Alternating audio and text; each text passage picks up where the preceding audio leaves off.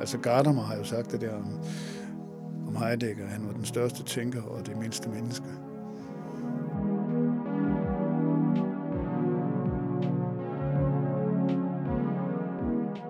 I dette afsnit af Filosofikum skal vi se nærmere på en af det 20. århundredes helt store tænkere og helt store syndere, nemlig den tyske filosof Martin Heidegger. Det har i lang tid været almindeligt kendt, at Heidegger var nazistisk universitetsrektor fra 1933 til 1934, og at han desuden aldrig meldte sig ud af nazistpartiet eller tog offentligt afstand for jødeudryddelserne. I midlertid har det i lige så lang tid været almindeligt at opfatte Heideggers nazisme som en simpel karrierefremmende beslutning og en rent personlig fejltagelse, der med selvfølgelighed ville kunne adskilles fra kernen i hans tænkning.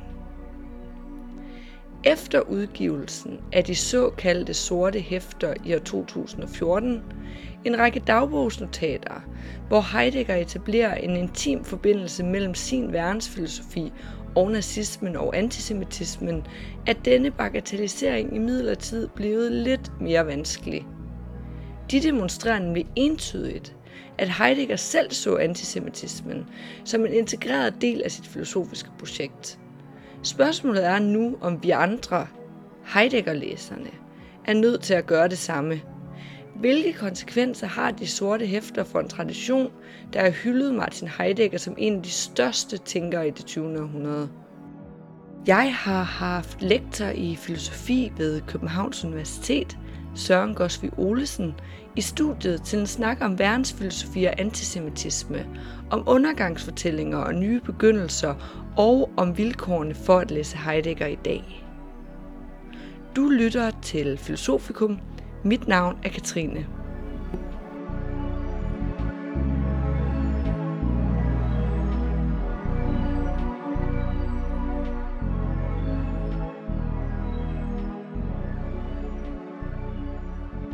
Søren Gosvi Olesen, øh, lektor i filosofi på Københavns Universitet. Du har oversat en af de seneste bidrag i debatten om Heidegger og nazismen, nemlig den franske filosof Jean-Luc Nancy's essay Heideggers banalitet, og du har også skrevet et bidrag til en kommende norsk antologi med titlen Heideggers testamente, filosofien, nazismen og det svarte hæftene, som desuden indeholder en norsk oversættelse af uddrag af de sorte hæfter. Det er altså de to tekster, vi vil tage udgangspunkt i øh, i vores samtale. Men øh, før vi vender os mod dem, synes jeg lige, vi skal øh, prøve, om vi kan introducere Heidegger som tænker. Altså, hvem var Martin Heidegger, og hvad var hans væsentligste bidrag til filosofien? Det er et lidt stort spørgsmål, men... Øh...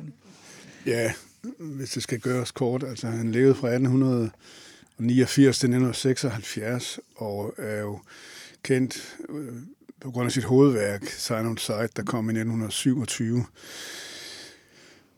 Og øh, ja, så begår han altså den her politiske fejl, og øh, øh, bliver øh, på grund af sit...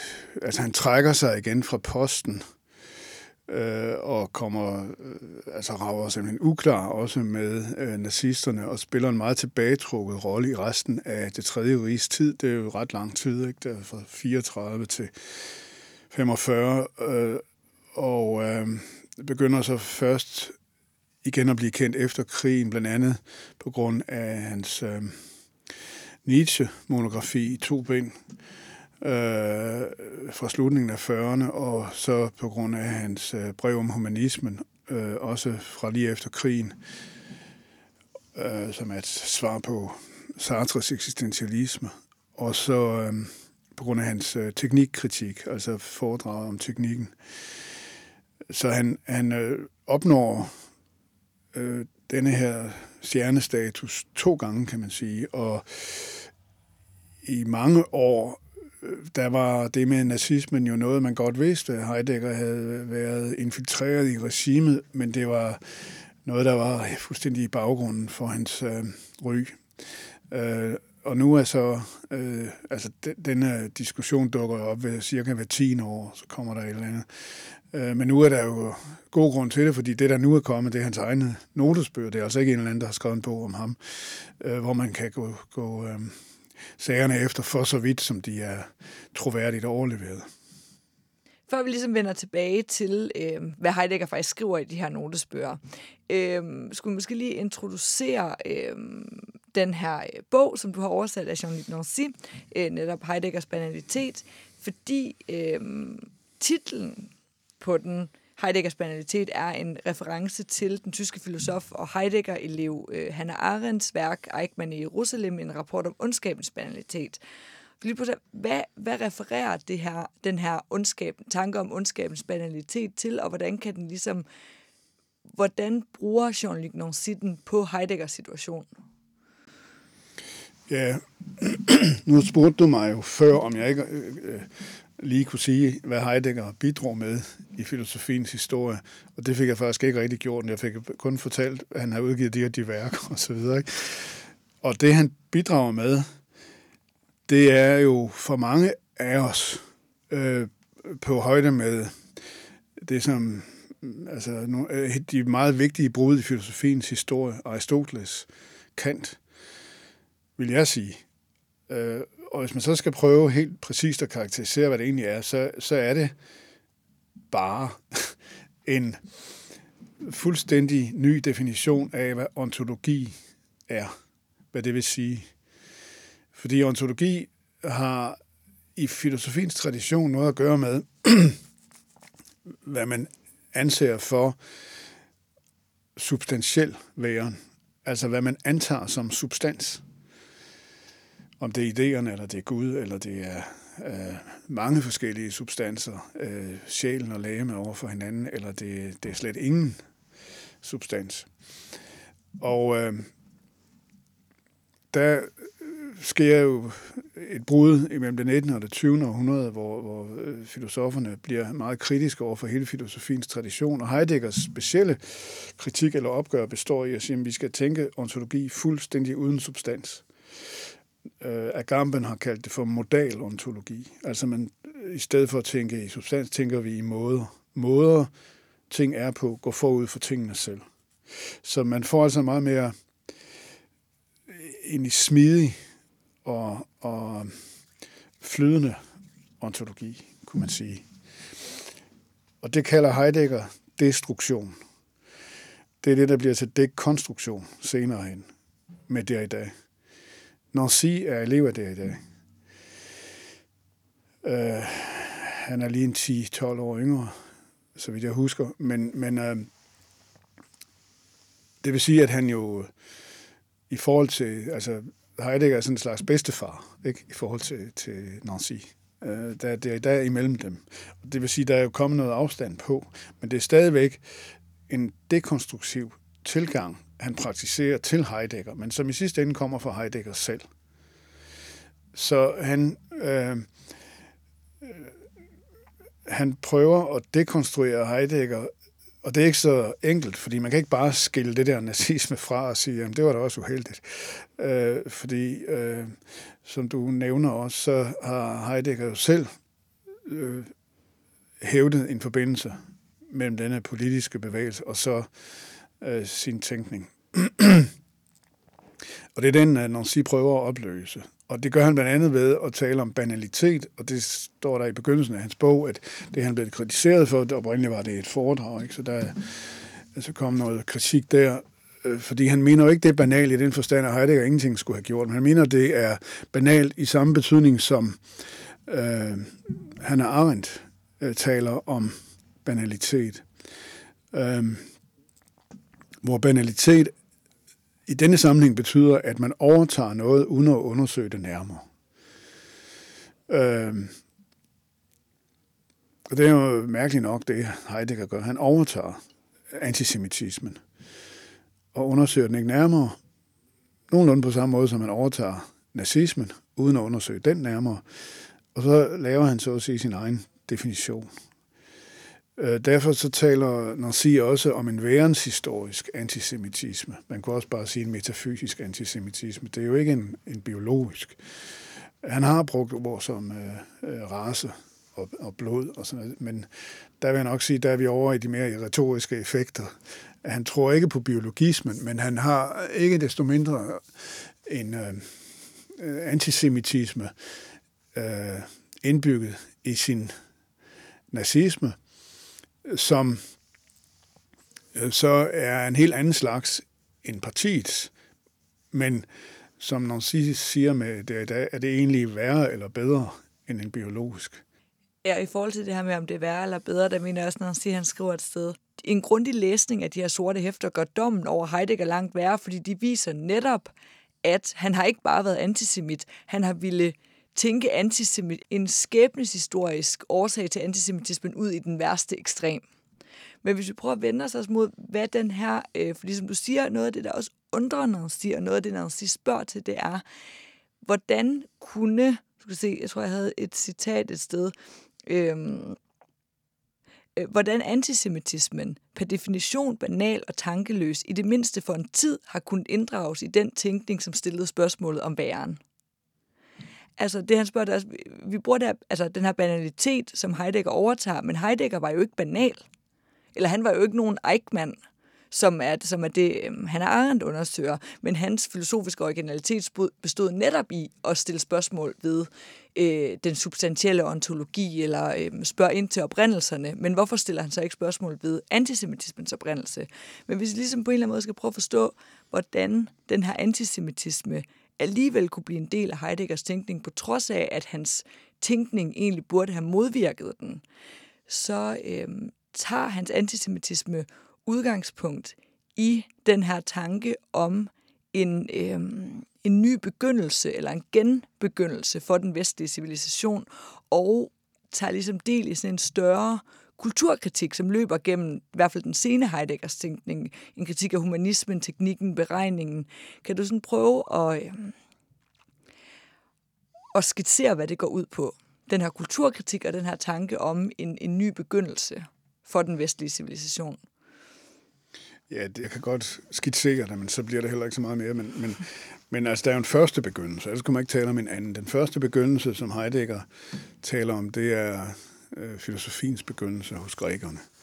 Øh, og det vil sige, at, at man, man jo øh, godt kan hævde, at den her begyndelse er bundet til et bestemt folk, øh, det græske folk. Altså, at det, øh, filosofien fødes på det der ret lille område, øh, omkring Athen. Øh, og så selvfølgelig lidt i Lille Asien og sådan. altså øh, rundt omkring på de græske øer, øh, hvor de forskellige førsokratiske tænkere kommer fra. Ikke? Og øh,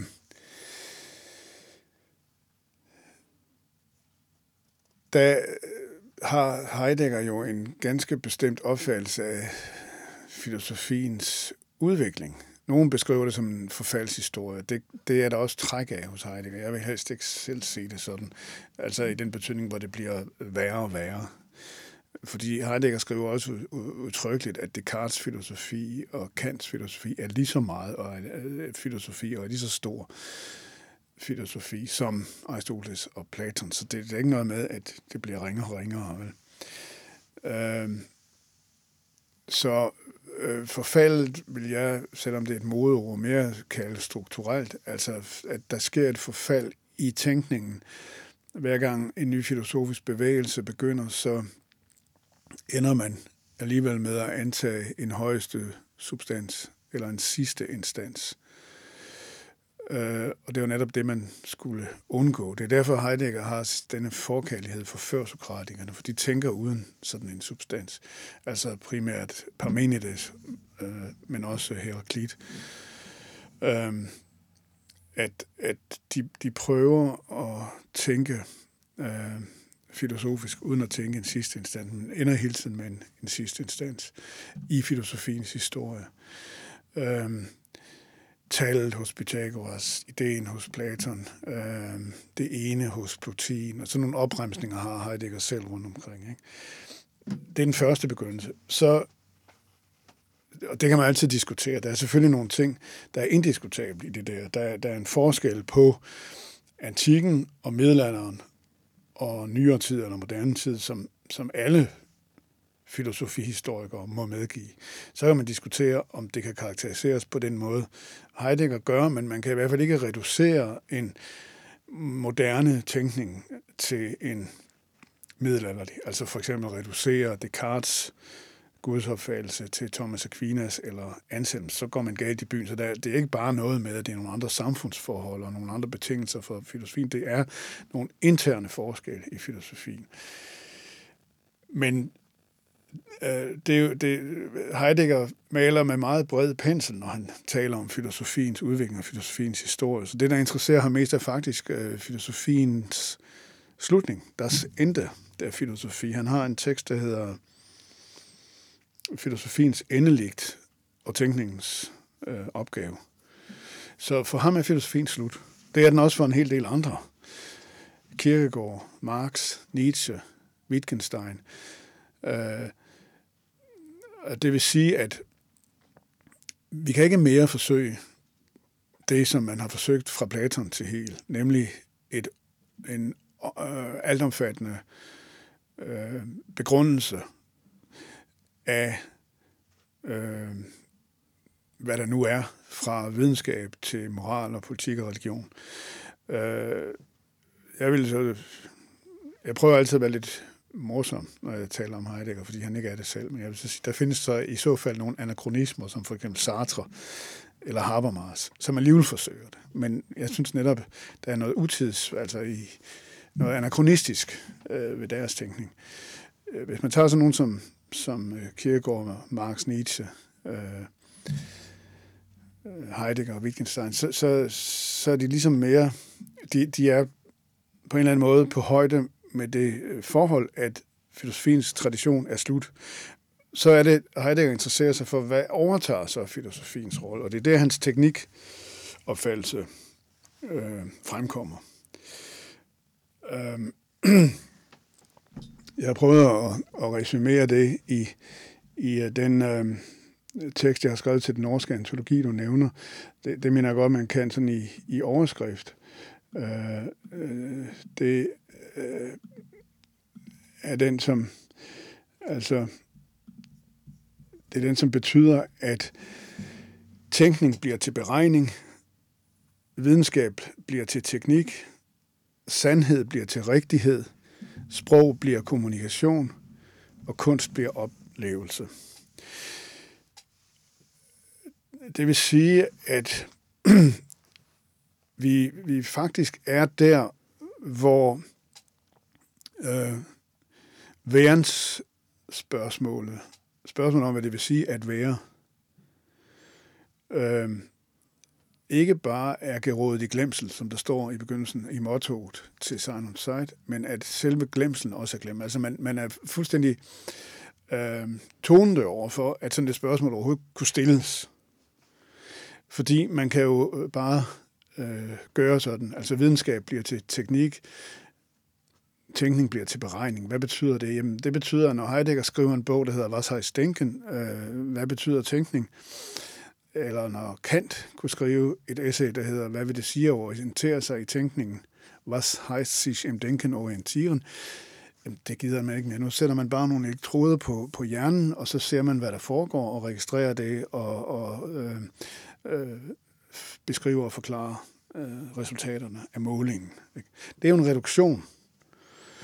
Der, der er jo ikke noget forkert i at måle eller i resultaterne man kan bare ikke, resultere, altså man kan bare ikke reducere spørgsmålet til det. Men det er den, den slags reduktioner, der hele tiden sker. Hvis man så øh, ser på, hvad der øh, foregår hos Heidegger, der hvor han bliver en aktiv del af nazismen, så vil jeg sige, det, det, sådan som jeg har læst ham, så, eller læst de sorte hæfter, så ligger det sådan set klar i forvejen. Han, han tænker på den måde, at, at der er sket et kulturelt forfald. Det er han nødt til at tænke efter Sign on Sight i begyndelsen af 30'erne. Og så kommer der så den her bevægelse, som tilbyder en, en genrejsning eller øh, en øh, øh, griben tilbage til noget oprindeligt, som vi måske øh, kan øh, redde øh, verden fra undergang ved hjælp af, og så videre. Ikke? Øh, og så, så tænker han så, fordi der er et antisemitisk element i nazismen, eller i hvert fald i forbindelse, jeg vil ikke sige, at, der er, at det er en begrundelse, men, men han, kan, han kan bruge det der antisemitiske motiv til at sige, at ligesom der var et folk, der stod for den første begyndelse, nemlig grækerne, så er der altså ikke folk, der står for, for den anden begyndelse, nemlig jøderne. Og det er jo en, en tydelig pointe i Nancy's tekst, at han skal bruge et folk, der står for det. Så derfor så, det der med, at jøderne er beregnende, at de er gode teknikere, øh, at, at de ikke øh, regner med anden sandhed end det rigtige udsagns, at sprog bliver kommunikation, øh, at kunst bliver oplevelse. Altså lad os tage det der med, at sprog bliver kommunikation. Øh, jøderne er jo i kraft af diasporaen et internationalt folk. Øh, et folk, der ikke har hjemme nogen steder, men som ikke desto mindre, hvis man ser på, øh, altså det, der er jo nogle ting ved jødendommen, som er helt objektive, hvor man kan sige, hvis man vil se på, hvem der har bidraget til øh, kulturen, sådan som den jo har udfolder sig verden over med udgangspunkt i den vestlige verden, så er der virkelig mange store videnskabsmænd, musikere, kunstnere øh, og så videre, som er af jødisk oprindelse. Men de øh, udtrykker sig på forskellige sprog, øh, kommer fra, fra vidt forskellige kulturer. Du kan bare se Danmark. Hvis, du slår op, hvis I slår op i, i ordbog over det danske sprog, hvor man ligesom har modeller for, hvordan lyder et rigtig godt dansk, så er der mange af citaterne, som føres tilbage til en forfatter i det 19. århundrede, som hed Meyer Aaron Goldschmidt. Altså, alene navnet viser jo, at han er en anden oprindelse. Han skriver noget af det smukkeste dansk, vi har. Øh, og det gælder altså også på andre sprog. Øh, så der er altså en, en virtuositet, øh, som øh, gør, at øh, altså en virtuositet til stede i mange af de jødiske øh, elementer i kulturlivet eller kultureliten, som er udtrykt på alverdens forskellige sprog og inden for alverdens forskellige kulturer. Og det er en torn i øjet på nazismen, som er ligesom den mest rabiate antisemitisme, man har. Man kan ikke definere nazismen og så tage antisemitismen bort. Det svarer til at sige, at man kan være kommunist og alligevel gå ind for privat ejendomsret til produktionsmidlerne. Det kan man selvfølgelig ikke. Altså, det, det, det, det er fuldstændig øh, sammenvokset. Det står side op og siden. Alt føres tilbage til jøderne i Mein Kampf. Øh, og noget af det, der, der, der, der generer øh, nationalsocialisterne, som de jo hedder, det er, at jøderne ikke er nationale. De er internationale. Øh, og, og Hitler øh, skriver i Mein Kampf og bruger utallige gange i sine taler øh, vendingen øh, das internationale judentum, eller ovenikøbet folkelig pleonastisk, das internationale Weltjudentum, altså ligesom for at slå det helt fast. Ikke? Øh, og det øh, taler selvfølgelig til Heidegger i den forstand, at han øh, ikke regner en tænkning for noget, eller anser en tænkning for utroværdig, som, er, som ikke er bodenstændig, som ikke har en fast grund under fødderne. Og er der nogen, der ikke har det, så er det jo øh, det jødiske folk. Ikke? Så, så det kan, altså, så meget kan man sagtens komme i samklang som antisemit med nazismen, uden at, at behøve den biologiske antisemitisme. Man kan sige, på den måde kommer jøderne ligesom til at repræsentere alt det, der er galt med den moderne vestlige civilisation. Altså beregningen, teknikken, rationaliteten, øh, jordløsheden. Men i det her narrativ kritiserer Heidegger også nazisterne for deres racebegreb. Hvordan, hvordan hænger det? Altså, det er som om nærmest, at nazisten og jøden er sådan sammensvorne i ja. den, her, den her undergangsfortælling. Der er et meget vigtigt moment. Øh, nu har jeg jo brugt 5-10 år på, på Hitler og nazismen og skrevet en bog om Hitler også. Og der hvis jeg skulle, denne bog er fra øh, 2010, øh, så den er snart 10 år. Hvis jeg skulle vende tilbage til den, så vil jeg sige, at der, der er to ting, som jeg har øh, overset. Jeg har gjort meget ud af, at Hitler øh, ligesom talte sig til magten. Altså ordets kraft, Øh, at de der taleeffekter, retoriske effekter, bragte ham til magten. Det er jeg også overbevist om.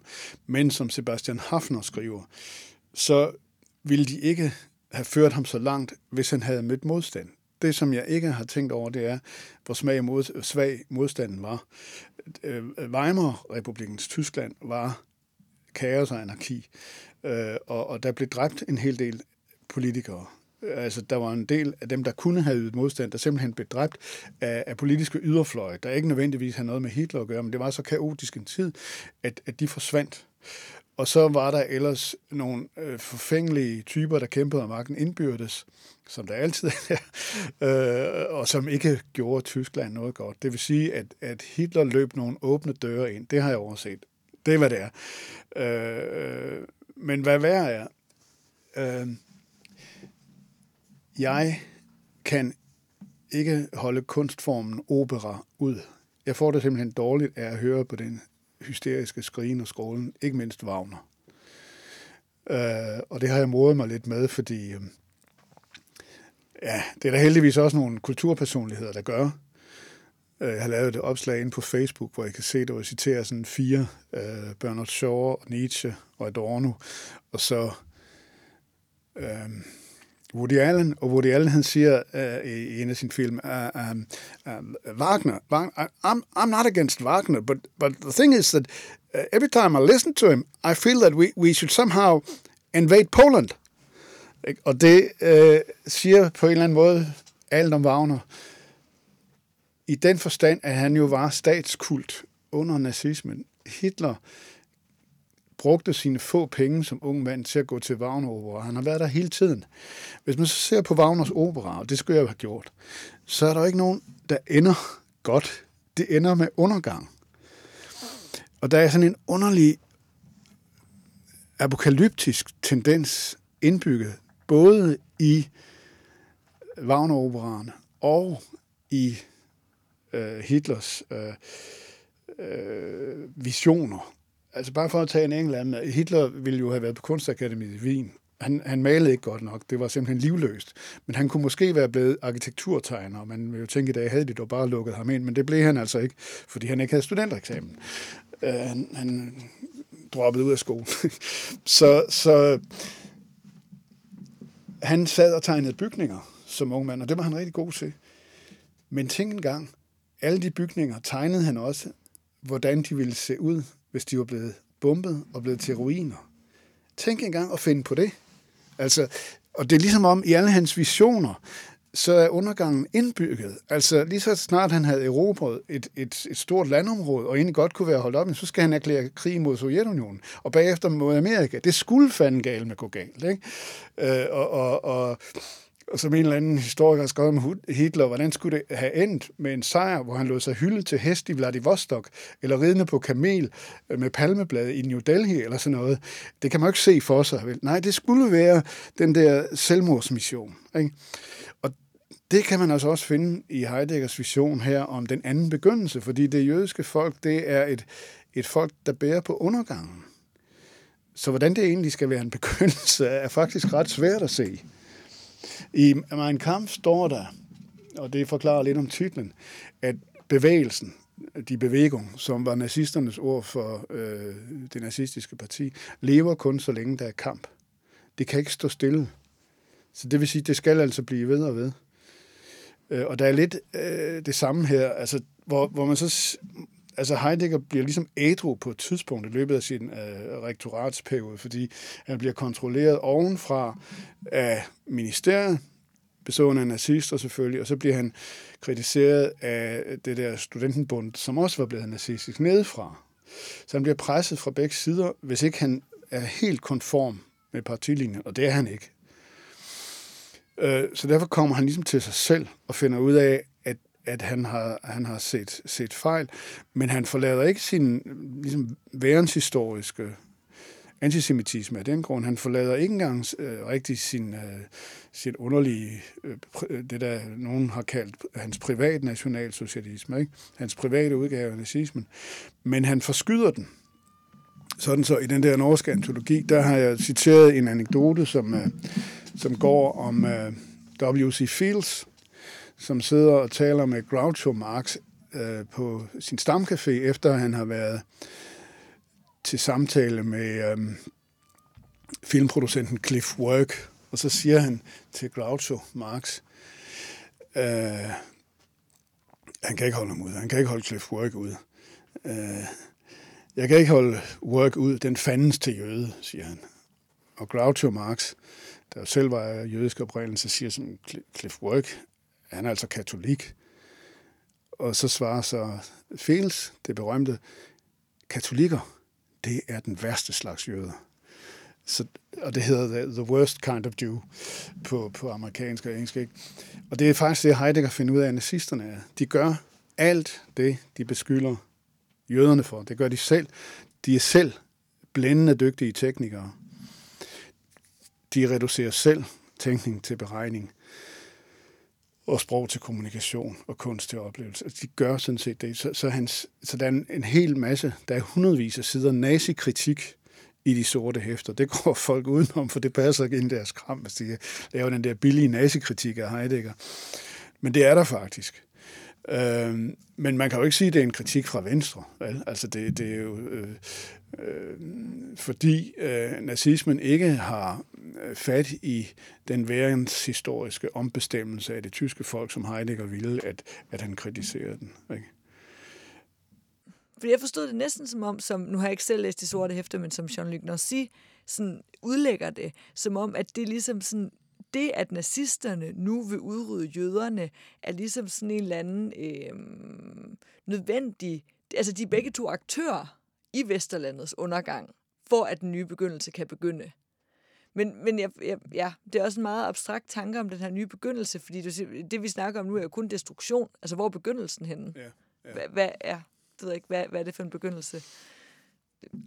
Ja, altså... jeg ved ikke rigtig, om jeg kan sige det ud fra andet mit eget perspektiv, og der vil jeg der vil jeg bare gøre gældende, at øh, altså jeg er opvokset i et demokratisk samfund og tænker politisk som demokrat. Og jeg, kan, jeg kunne jo se allerede, da jeg læste Heidegger som 20 år, at der var et eller andet fuldstændig øh, øh, en fuldstændig immunitet overfor øh, en demokratisk indstilling. Det synes jeg, man kan se. Øh, og derfor er det ikke så underligt, at Heidegger øh, politisk er, er altså, jamen det, det er, som jeg også skriver her, ikke, som stort set alle små mænd, ikke? Hvem, alle dem, der havde været nazister under krigen, også danskere, hvem så de op til efter krigen? Det var ikke Churchill. Det var ikke Roosevelt. Eller Truman. Nej, det var Stalin. Altså, det, det, det, det der småborgerlige behov, øh, øh, småborgerlige ondt i røven behov for en stærk mand.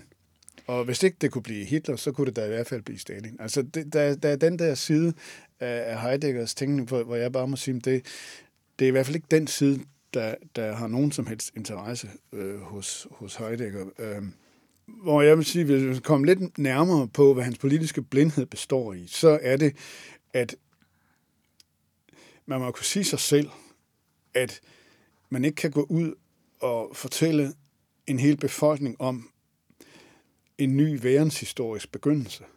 Altså, hvem fanden forstår et muk af det? Det kan man jo ikke holde taler om. Altså, han er fuldstændig ude af kontakt med øh, den politiske verden og med befolkningen. Han kan ikke se, at metafysik foregår i et højere luftlag, eller som øh, Hegel sagde, det er verden vendt på hovedet, og, og det kan man ikke bare koble til en befolkning. Ja, det kan man måske godt, hvis man får et diktatur, hvor man kan øh, diktere folk øh, nogle bestemte... Jeg, jeg ved ikke, hvad han har forestillet sig. Jeg, jeg, jeg anser det for, for komplet umuligt, men altså, man skal, man skal jo huske, at, at demokrati var stort set ikke noget, man havde haft i Tyskland. Og det, man havde haft øh, øh, efter øh, Første Verdenskrig, det var øh, i høj grad påtvunget af amerikanerne, og, og det er jo det, man får efter 2. verdenskrig, de to. Ikke? Så øh, det, det er ikke... England og Frankrig, det er gamle demokratier. Det er Tyskland bare ikke. Så øh, det har ikke ligesom ligget i luften, at man skulle være demokrat. Det, skal man altså, det er virkelig vigtigt at huske, fordi for os der er det fuldstændig naturligt. Det er også derfor, jeg refererer til, jeg er selv opvokset i demokrati, og, og, og, og ligesom øh, øh, har taget den kultur til mig som noget selvfølgeligt, men det var absolut ikke selvfølgeligt dengang. Absolut ikke. Øh, øh, og, og, og derfor kan man måske have nogle, nogle, nogle tanker om, at man kan lave sådan en verdenshistorisk prægning af et helt folk, hvis man, hvis man har totalitære eller autoritære forholdsregler nok. Øh, men, men for mig at se, at det bare er fuldstændig ude af trit med den politiske virkelighed. Øh, og så må man jo begynde at tænke på, jamen, hvad med alle de andre kulturpersonligheder, der har lavet politiske fadaser, øh, eller etiske. Øh, og, og der er desværre ikke nogen sammenhæng øh, mellem øh, en tænknings øh, og så mennesket. Altså Gadamer har jo sagt det der om, om Heidegger, han var den største tænker og det mindste menneske. Ikke? Og det kan man selvfølgelig godt være skuffet over, men der synes jeg, man må ligesom prøve at spørge, hvor, hvor, hvor god er jeg lige selv, ikke? Altså. ja, fordi det er også tænker, altså hvis man begynder at vurdere den vestlige filosofiske kanon ud fra filosofernes moral, så er der sådan ret mange, der vil falde ja. af den ene eller den anden også. grund. Jo. Men med udgangspunkt i det her Garnermark, kunne vi måske lige sådan vende os lidt mod det her spørgsmål om forholdet mellem tænker og tænkning. Hvad betingelserne er for at læse Heidegger i dag, efter de sorte hæfter. Øhm, og jeg mener, er det, er det Adorno, der har sagt et eller andet med, at Heideggers tænkning er fascistisk i den sådan kerne? Kan det passe der et eller andet? Mener, det må jeg lige undersøge. Noget i den retning. I noget af den retning, ja. ja. Og det, nu siger du også det her med at læse Heidegger og have sådan en, en fornemmelse af, at sådan, det her det er ikke demokratisk tænkning, i hvert fald. Øh, men på den anden side er der jo også det faktum, at, at en la- rigtig stor del af Heideggers aftager er venstreorienterede, progressive, antifascistiske tænkere. Og der vil jeg lige læse et citat op fra øh, dit bidrag til den her norske antologi, som vi måske kan sådan tage lidt udgangspunkt i. Øh, hvis man blev nazist af at læse Heidegger, så ville vi have jødiske nazister, som Arendt og Marcuse eller Derrida, venstreorienterede nazister, som de tre nævnte, Lavatimo og Agamben, og antifascistiske og antinazistiske nazister, som de nævnte, plus Pejson eller Løstrup. Ja. Det, det viser tilbage til, at øh, der er en meget vigtig skældning øh, at lære, når man læser filosofi, mellem at tænke og at mene. Øh, og den går igennem hele filosofiens historie. Den står i øh, Platons staten, og den står i Øh, til at begynde med, ikke? og så i Hegels retsfilosofi, et af de sidste værker, hvis vi nu kalder det tradition, der, der gentages den. altså, at filosofer er nogen, der forsøger at finde ud af, hvordan det er, øh, eller hvad der er sandhed. De søger sandheden. Øh, men dem, der bare har en mening, de søger ikke sandheden, de søger bare for ret. Øh, og der skældner Heidegger, øh, der skældner Platon mellem filosofi og filodoxi, hvor filodoxi det er kærlighed til meninger. Og Hegel skriver i fortalen til retsfilosofien, at øh, øh, meningen er et blødt element, som lader sig præge af hvad som helst. Så en filosofs tanker er ikke vedkommendes meninger. Jeg mener, det kan man godt forklare meget banalt. Hvis meningen var tænkningen, så kunne jeg jo som vejleder og som eksaminator ikke bedømme opgaver, jeg var uenig i, eller specialer, jeg var uenig i. Hvis en eller anden har et fuldstændig andet synspunkt end mit, så er det altså min opgave som filosofilærer bare, altså det vil sige filosof på et øh, meget basalt niveau, at kunne bedømme det, uden at jeg er enig eller ej. Jeg skal være ligeglad om den, der skriver, er katolik eller kommunist, eller feminist eller fascist. Jeg skal bare se på, om det er godt tænkt. Og det vil jo ikke kunne lade sig gøre, hvis det at mene var det samme som det at tænke. Så tænkningen er altså mere noget i retning af en stilart, en måde at gøre tingene på, en, et håndværk, som øh, Jules Lagnot, den store franske filosofilærer, sagde, øh, man bliver øh, filosof på samme måde, som man bliver smed. Okay, det vil sige ved at stå i lære og øve sig og øve sig. Der er ikke andre veje. Men det er typisk, du kan, du kan heller ikke forklare, hvordan nogen bliver en god smed. Altså, de skal lære det her håndværk, men du kan ikke øh, beskrive det i en bog, sådan, så du er sikker på, at den, som læser den bog, bliver også en god smed. Der er masser, der har læst filosofi, der ikke kan enten bruge øh, øh, noget terminologi, de har læst, eller slynge om sig med begreber, eller sådan noget. Det, der er overhovedet ingen tænkning i det. Øh, og det vil sige, at det der, du lige læser op, det giver jo kun mening, hvis det er sådan, at man kan lære af Heidegger uden at overtage hans meninger. Og sådan er det heldigvis.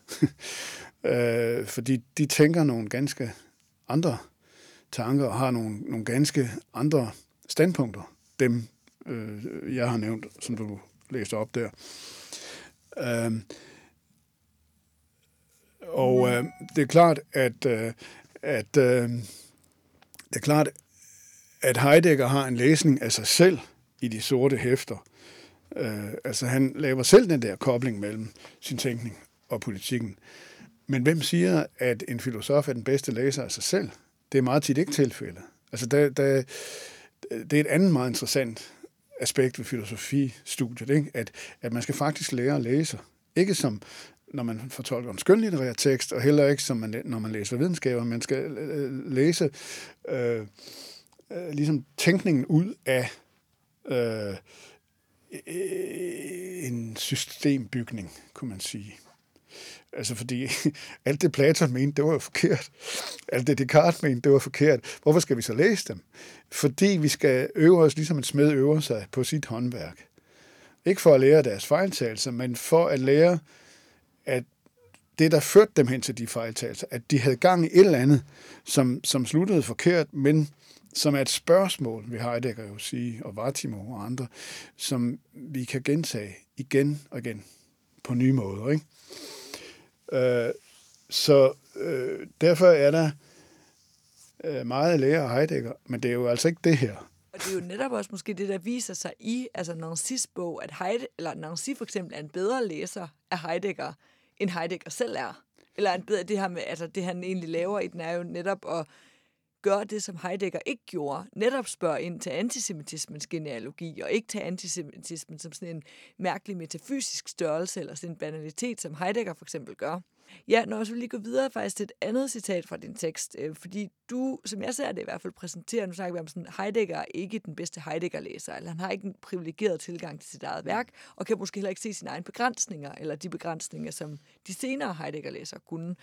Øhm, og du skriver, hvis ikke Heideggers engagement i nazismen kan spores i hans centrale filosofiske tekster, forbliver henvisningen til hans politiske holdninger en henvisning og tekst, der kun kan støtte sig til taler og erklæringer i embedsmedfør eller til breve og optegnelser af mere eller mindre privat karakter. Vil, vil du prøve sådan at uddybe den her betragtning?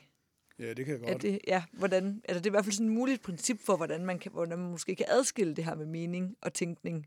Ja, øh, altså når Heidegger indfører det, der kommer til at hedde den ontologiske differens, altså skældet mellem væren og det værende, og øh, faktisk bruger det meste af Simon Side på at forklare, hvad den forskel består i, og hvordan det går galt, hvis man ikke øh, tænker den forskel.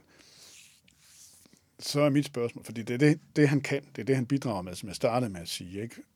Øh, at han omdefinerer ontologien. Det, det, det er det, han, han har bidraget med i filosofiens historie. Hvis man kan vise, at det fører til nazisme, så er jeg færdig med at læse Heidegger.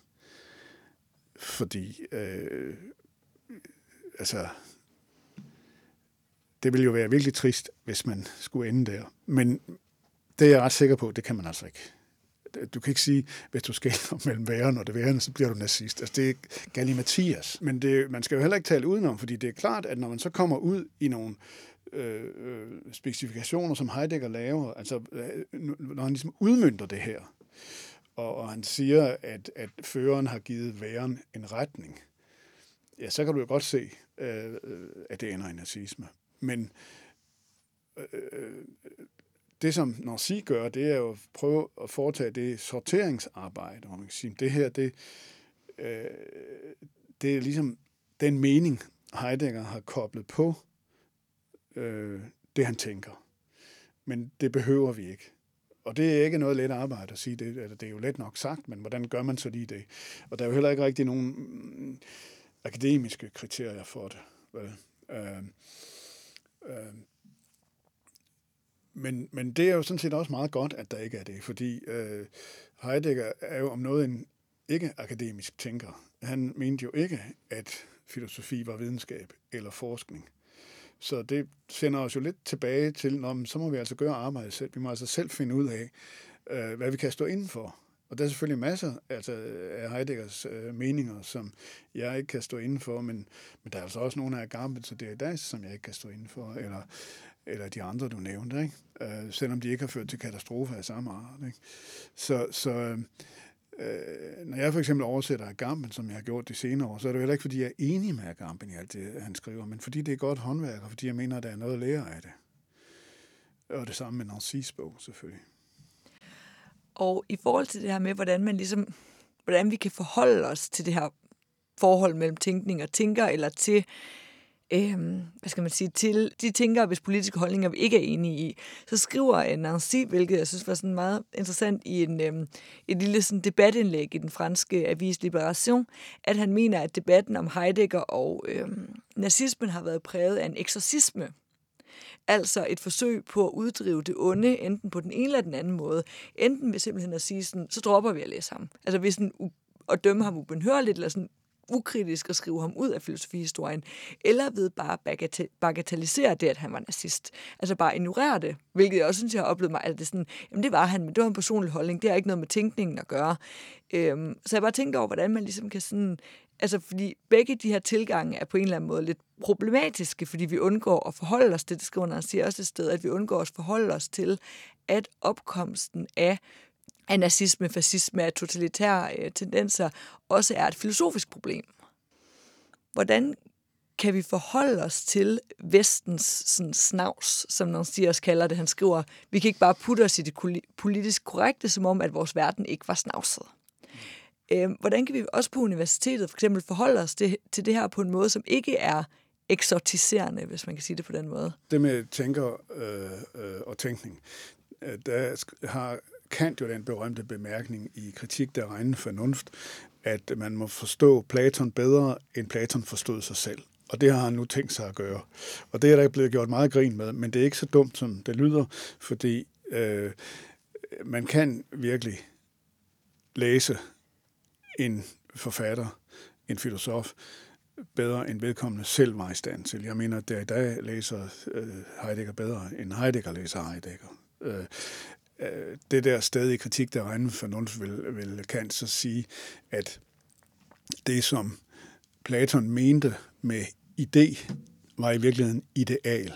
Altså noget, vi ligesom må øh, øh, forestille os som et, et, et regulativt billede, eller et, et, et, et, et regulativ for tænkningen.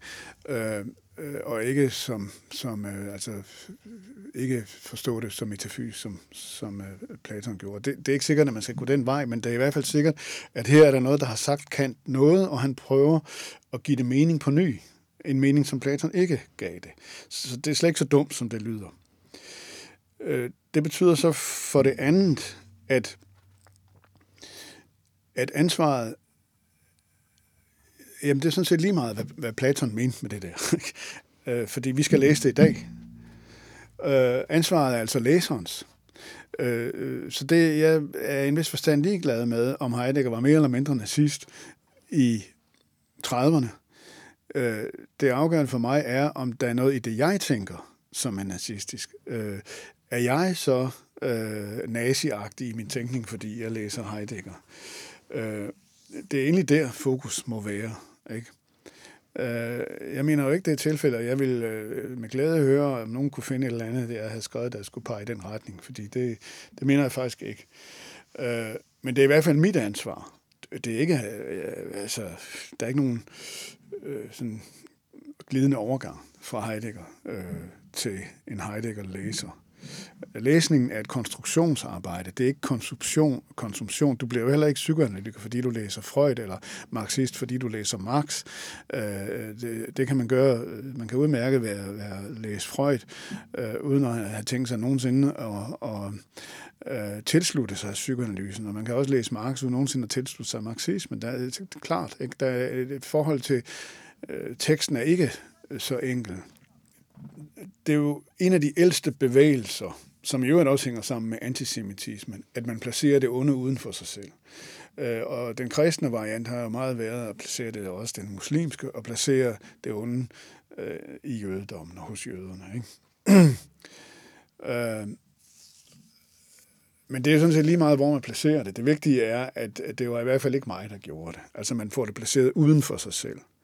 Og det er derfor, at Paulus har de der berømte ord om, at det øh, gode, som jeg vil, det gør jeg ikke, og det øh, onde, som jeg ikke vil, det gør jeg. Der er ikke ret mange, der tager, tager det til sig. De fleste tænker, at det onde, som jeg, som jeg ikke vil, det gør jeg jo ikke, og øh, det gør de andre.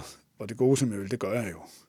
Det, der er ikke nogen, der vil sige det, men det er en meget almindelig øh, måde at tænke på, at det onde, det er dem derovre, ikke? Øh, og og, og øh, man kan jo se personhets foregå i pressen og på sociale medier hele tiden, ikke? hvor der er nogen, der bliver placeret øh, i en sådan situation, og lige meget hvad de siger, så, så er det så er det, så er det åndssvagt. Øh, og der er selvfølgelig også nogen, hvor sandsynligheden er større end hos andre, men, men altså, man har ligesom øh, gjort hele personen til øh, inkarnationen af det onde. Og så er det jo i hvert fald ikke en selv. Så findes der den opbyggelige variant, øh, som man kan se for eksempel i, i øh, bogen, eller jeg har kun set filmen Erist Wieder der om, om Hitler, hvor, hvor øh, en til sidst prøver at slå Hitler ihjel, men han genopstår med det samme, fordi Hitler er inden i os. Han bliver ved med at være der. Øh, det onde bliver ved med at være der. Vi finder bare nogle nye søndebukke, øh, nogle nye øh, øh, grupper og give skylden. Ja, det er jo rigtigt nok, men det er bare ikke så enkelt. Men hvis jeg nu skulle give et helt enkelt eksempel på, hvad jeg mener med forskellen på at tænke og så have en mening, så var der en gang, hvor Manu Saren blev spurgt, hvad han synes om tonen i flygtningedebatten. Det er fem år siden eller sådan noget. Og han synes selvfølgelig det samme som de fleste af os andre, at øh, tonen var helt forfærdelig. Ikke? At man kunne tillade sig at sige hvad som helst, og han tog nogle eksempler, og så han har selvfølgelig også selv været udsat. Det fremgik nu ikke så meget, men, men så spørger så journalisten, er der andre øh, grupper, du synes, at den øh, jargon, den, den fasong går ud over? Og så siger man, ja, Pia Kærsgaard synes jeg virkelig var stort, ikke? fordi man kan jo ikke mistænke ham for at have den store sympati for Pia Kærsgaard, og det har jeg heller ikke. Men det betyder jo ikke, at man bare skal kalde hende en so og en møgkælling, og at hun lugter, og, og hvad der ellers bliver sagt om hende. Fordi det er jo den samme holdning.